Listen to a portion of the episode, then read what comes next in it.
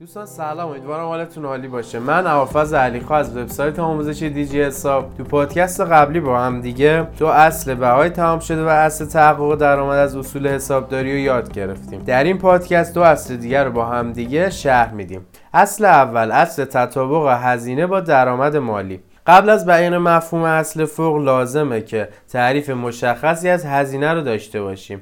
تعریف معتبر از هزینه به شرح زیره الف جریان خروجی دارایی ها یا سایر موارد استفاده از دارایی ها یا ایجاد بدهی های طی یک دوره که به منظور تولید و تحویل کالا، ارائه خدمت یا انجام سایر فعالیت ها در اجرای عملیات اصلی و مستمر واحد تجاری صورت میگیرند. ب هزینه های دوره مالی برخی دیگر از اقلام هزینه می باشد که در ظاهر هیچ گونه رابطه علت و معلول با درآمدها نداشته و ارتباط مستقیمی با درآمدها ندارند. اما چون مربوط به عملیات یک دوره مالی معین می باشد باید به حساب هزینه همان دوره منظور شود. ج مخارج غیر مرتبط با درآمدهای آتی هرگاه نتوان بین مخارج انجام شده و ایجاد درآمدهای مشخص در آینده ارتباط موجهی برقرار نمود مخارج مزبور باید در دوره وقوع به عنوان هزینه شناسایی شود اصل بعدی اصل افشا. بر اساس این اصل واحدها اقتصادی موظفن کلیه واقعیت ها و اطلاعات با اهمیت مربوط فعالیت های مالی خود را به نحوه مناسب